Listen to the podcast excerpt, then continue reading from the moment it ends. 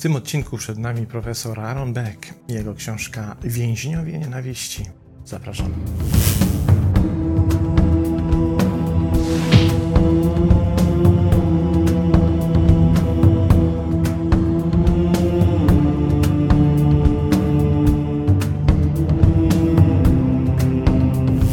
Zanim przejdziemy do przedstawienia autora tytułem wstępu, który tak naprawdę ciśnie się na usta po niektórych komentarzach, w których pytacie, kiedy i gdzie opublikowano te książki w Polsce. Otóż cykl niewidzialnych książek został stworzony właśnie po to, by prezentować książki, które nie znalazły polskich wydań i o których istnieniu nie wiemy.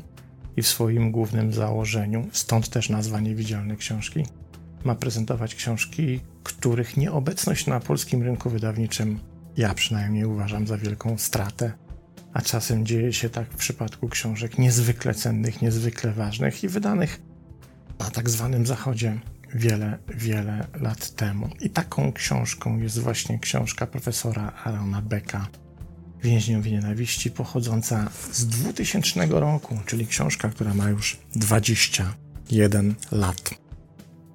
Autora chyba nie trzeba przedstawiać. Większość pewnie psychologów czy też psychoterapeutów zna to nazwisko doskonale. Profesor Aaron Beck to profesor Uniwersytetu Pensylwanii, już dzisiaj emerytowany, który jest twórcą terapii poznawczej. I na polskim rynku istnieje wiele jego książek, podręczników właśnie tego typu i rodzaju terapii, zwanej również terapią kognitywną.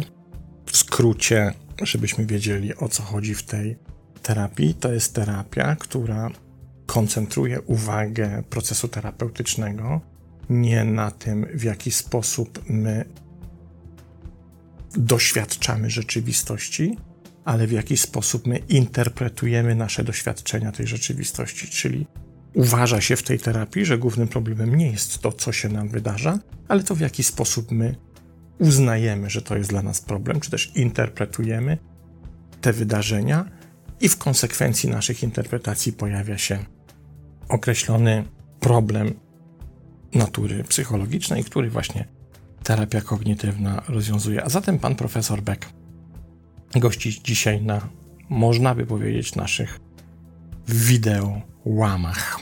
Książka Prisoners of Hate czyli tytuł, który możemy przetłumaczyć z jednej strony jako więźniowie nienawiści, a z drugiej strony, i chyba to tłumaczenie do mnie bardziej przemawia, jako uwięzieni w nienawiści, czyli dotyczy ona osób, którym włada nienawiść, którzy stali się jej więźniami, są uwięzieni w tym uczuciu.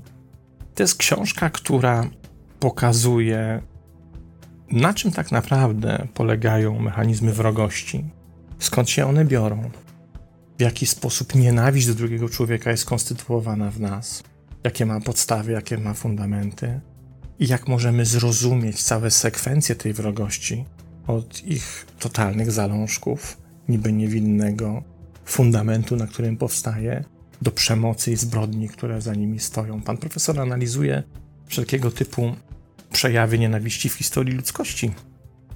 Wojny, autokracje, wszelkiego typu wywieranie wpływu jednych na drugich i ta wrogość społeczeństw, grup etnicznych, grup o innych poglądach nawzajem do siebie i na podstawie tych historii wyciąga niezwykłe wnioski, ale też pokazuje, jakie narzędzia terapeutyczne mogłyby zostać zastosowane w takich przypadkach, gdybyśmy prawidłowo zdiagnozowali tę wrogość. Zajrzyjmy do pierwszego fragmentu. Osoby skonfliktowane, czyli pozostające w konflikcie, dostrzegają i reagują raczej na zagrożenie emanujące z obrazu niż na realistyczną ocenę przeciwnika. Mylą obraz z osobą. Katastrofalne zniekształcenia wzajemnych motywów i postaw sprawiły, że każda ze stron konfliktu czuje się uwięziona, zraniona i deprecjonowana.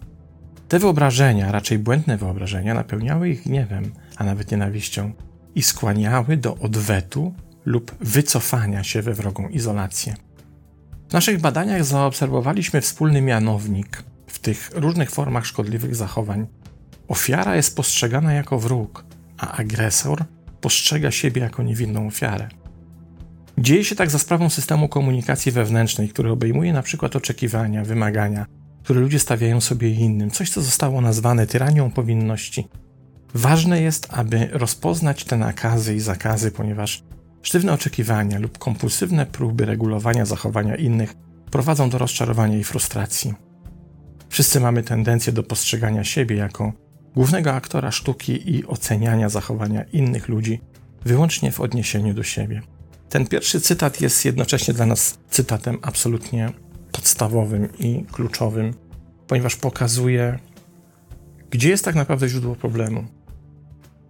Źródło problemu, zakorzenione w tej sekwencji powstawania wrogości, leży w tym, że bardzo wiele ludzi nie ocenia innych w, takiej, w takim ujęciu obiektywnej oceny, ale ocenia swój obraz, który tworzą we własnych głowach na temat innych ludzi. Ten obraz jest kluczowy, a nie rzeczywistość obiektywna. To w jaki sposób my konstruujemy nasze wyobrażenie na temat innych, czy też wyobrażenie na temat nas samych.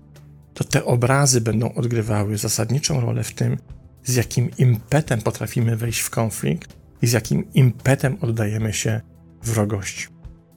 Sekwencja tworzenia wrogości nienawiści jest w ujęciu pana profesora Becka dość prosta do zidentyfikowania, ale jednocześnie taka, która bardzo często nam umyka. Nie zdajemy sobie z tego konkretnie sprawy. Oto tworzymy sobie w głowie jakiś obraz, na przykład samych siebie, wierzących w coś tam czyli obraz siebie niosących na barkach ciężar jakiegoś przekonania, które uważamy za święte, niepodważalne, wyłącznie nasze. Jeśli teraz w naszej przytomności mówi się o tak zwanym terenie ekspozycyjnym, czyli w naszym terenie ekspozycyjnym pojawi się coś, co będzie miało związek z tym obrazem i zostanie przez nas zinterpretowane jako atak na ten obraz, to w tym momencie mimo że został zaatakowany obraz, my personalnie, osobiście czujemy się zaatakowani. W momencie, w którym czujemy się zaatakowani, ponieważ ktoś zrobił coś lub powiedział coś, co w jakiś sposób zostało przez nas zinterpretowane jako godzące w ten wytworzony przez nas obraz, to następuje pewien rodzaj magicznej zmiany, w której my zaczynamy postrzegać siebie jako ofiarę, a tego kogoś jako agresora. Zobaczcie, bo tu jest klucz. Jeśli postrzegam siebie jako ofiarę, to konstruuję w sobie przekonanie, że ja jestem po stronie dobra, a agresor po stronie zła, ponieważ ofiara zawsze jest po stronie dobra, prawda? Skoro więc ja zostałem zaatakowany, to świat dobra, ten, który ja reprezentuję, w moim przekonaniu, w mojej interpretacji, został zaatakowany przez świat zła, reprezentowany przez osobę, która swoim zachowaniem, wypowiedzią, czymkolwiek naruszyła tą nieskazitelność obrazu, który sobie wytworzyłem w swojej własnej głowie. Za taki atak należy się zemsta. Ja teraz będę uznawał, że ten ktoś, kto to zrobił, niezależnie od tego, czy moja interpretacja jest prawdziwa, czy nieprawdziwa, bo liczy się jej efekt, a nie jej fundament, nie jej podłoże, ja będę chciał ukarać tę osobę. W ten sposób ja będąc rzeczywiście agresorem, w swojej własnej głowie uznaje się za atakowaną ofiarę. Czyli ja, będąc, stojąc, obiektywnie na to patrząc po złej stronie, wierzę w to, że to ja jestem po dobrej stronie. To jest konflikt nierozwiązywalny. Konflikt, który będzie się dział za każdym razem, jeśli przedkładamy wartość obrazu stworzonego w głowie nad rzeczywistość. A teraz pomińmy na chwilkę pana profesora, pomińmy na chwilkę naukowe dywagacje i trudne socjologiczno-psychologiczne słownictwo i pokażmy to na konkretnym przykładzie. Nie wiem, czy pamiętacie, sierpień 2020 roku, zaledwie rok temu, Wrocław. Oto piknik miejski, na jakimś miejskim pikniku, czy też innym wydarzeniu, na jakimś tam skwerze, czy też parku, ustawiony zostaje transparent, czy też jakiś baner reklamowy, z hasłem Zmień piec. Tenże baner reklamowy dotyczy akcji sponsorowanej przez Urząd Miasta, która oferuje dopłaty czy też jakieś tam rekompensaty za wymianę pieca, żeby zamienić stare kopciuchy na piece bardziej ekologiczne, bardziej przyjazne środowisku. Kampania nazywa się Zmień piec. I oto stoi sobie ten transparent. Przy nim na ławce siedzi gość z fundacji, która zajmuje się tą ekologiczną wymianą piecy czy też innych urządzeń grzewczych i czyta coś w swoim laptopie. I przejeżdża rowerzysta. I tenże rowerzysta, widząc ten transparent, siada z roweru i zaczyna go kopać. Przewraca ten transparent, ten banner na tego gościa z tym laptopem. Ten laptop wypada temu gościowi z ręki, roztłukuje się o podłoże, są ewidentne straty i cudem tak naprawdę ten gość od laptopa uchodzi bez szwanku z tej całej afery, bo mało brakuje do tego, żeby rowerzysta go pobił. Za co? Za wymianę pieca? Nie. Otóż rowerzysta przeczytał transparent w sposób następujący: zmień płeć. I uznał, że to jest akcja promująca możliwość dokonania zmiany płci, a nie pieców. I teraz zobaczcie, to jest ten mechanizm, o którym pisze pan profesor. Człowiek na rowerze miał wytworzony pewien określony obraz w głowie. To jest świat dobry, to jest świat zły. Teraz tego nie oceniamy. W ogóle jestem jak najdalszy od tego, żeby oceniać, czy ma rację, czy też nie ma racji. Stworzył określony obraz, w który wierzy. W jego obecności, w przestrzeni, w której przebywał, pojawiło się coś, co w jego interpretacji zaatakowało jego obraz w głowie. Wówczas uznał, że stał się ofiarą tego ataku, że hasło zmień piec w jego interpretacji zmień płeć atakuje jego uczucia. Za to należy się ukarać tego, kto dopuścił się takiego ataku. Czyli teraz świat dobra, który został zaatakowany, zaczyna stawać przeciwko światowi zła, który takiego ataku się dopuścił. W związku z czym należy ten świat zły ukarać, kopiąc w transparent, jakby się dało, to jeszcze pobić gościa, który siedzi z laptopem na kolanach. To pokazuje, oczywiście to jest absurdalny przypadek, ale niestety prawdziwy. To pokazuje, jak ta sekwencja nienawiści i wrogości, o której pisze 21 lat temu pan profesor, jest wciąż aktualna. Jak to wciąż działa. Jak wciąż dokładnie w ten sam sposób jest konstruowana nienawiść człowieka do człowieka. Przecież tak naprawdę zwróćcie uwagę, my dzisiaj żyjemy w świecie, nie tylko w Polsce, ale na całym świecie, olbrzymiej, by nie powiedzieć ekstremalnej polaryzacji poglądów. Jeszcze nigdy dwie, trzy, cztery, pięć zwaśnionych ze sobą stron nie było aż tak bardzo zwaśnionych. Nie stało po aż tak różnych stronach konfliktów dotyczących wszystkiego. To nie ma znaczenia, czego ten konflikt dotyczy. Czy on dotyczy światopoglądów, czy dotyczy polityki, czy dotyczy religii, czy dotyczy nauki, czy dotyczy medycyny, czegokolwiek. Nie ma kompletnie znaczenia. Jest konflikt, jest polaryzacja. W tym konflikcie obydwie strony tworzą określony obraz swojej własnej głowie. Cokolwiek się pojawi po drugiej stronie, co zostanie zinterpretowane jako atak na ten obraz, powoduje natychmiastową nienawiść i wrogość, za którą idą takie czyny jak zemsta, chęć ukarania, chęć pobicia, chęć wymuszenia swoich praw i swojej własnej wartości, przekonań, poglądów, idei. Tam leży źródło naszej wrogości, naszych zachowań. I czasem wydaje nam się to absurdalne, ale dokładnie w ten sposób jest to skonstruowane, dokładnie w ten sposób wygląda sekwencja budzenia wrogości. Wydawałoby się, że tego typu rzeczy jak atak rowerzysty na transparent czy też reklamowy banner z napisem zmień piec, no są to dość ekstremalne, trochę komiczne i absurdalne, na pewno żenujące przypadki, ale tak naprawdę mamy z nimi do czynienia każdego dnia. W mniejszej lub większej formie, tylko na tyle do nich przywykliśmy, że przestajemy je zauważać.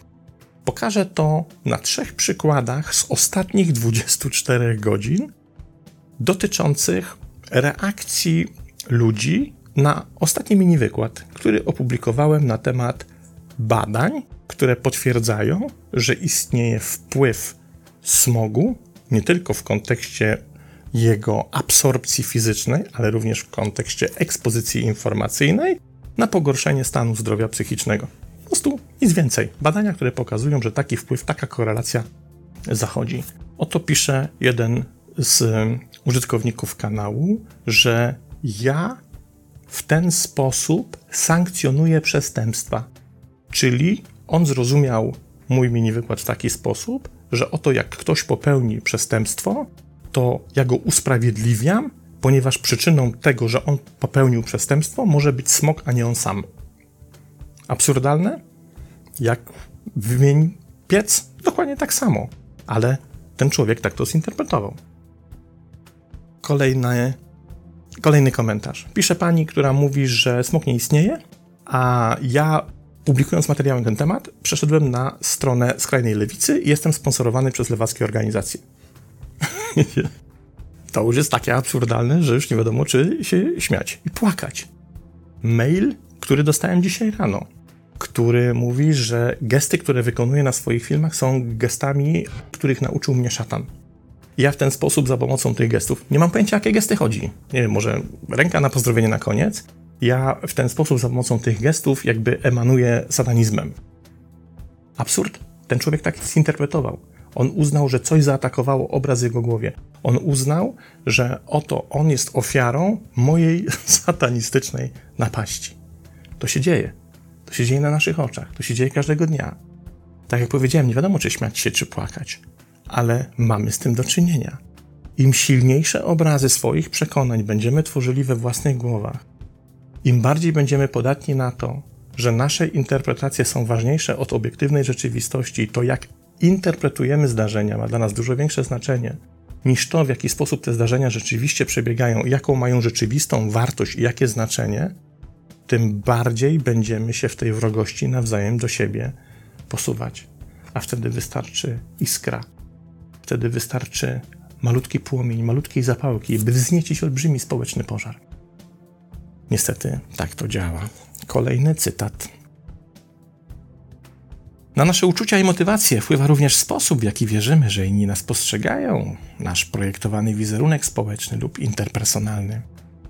On wpływa na to, jak reagujemy na innych ludzi. Jeśli postrzegamy innych ludzi jako nieprzyjaznych i krytycznych, stosujemy strategię, aby się chronić, ponieważ nasze obrazy innych osób mają zazwyczaj określoną ramkę i widzimy tylko te cechy, które są zgodne z obrazem w ramce. Odrzucamy jednocześnie wszystkie inne to, jak ogólnie myślimy o sobie, jest w dużym stopniu funkcją naszego dominującego obrazu samego siebie. Kiedy ktoś robi coś, co obniża nasz status, poczucie własnej wartości lub wartość zasobów, którymi dysponujemy, możemy czuć się zranieni, a kiedy jesteśmy zranieni, chcemy zranić z powrotem. Nadawanie osobistego znaczenia wydarzeniom lub komentarzom, które są zasadniczo bezosobowe, jest częstą przyczyną gniewu i innych reakcji emocjonalnych, ludzie silniej reagują na własne lęki i poczucie bezsilności niż na faktyczne wykroczenia.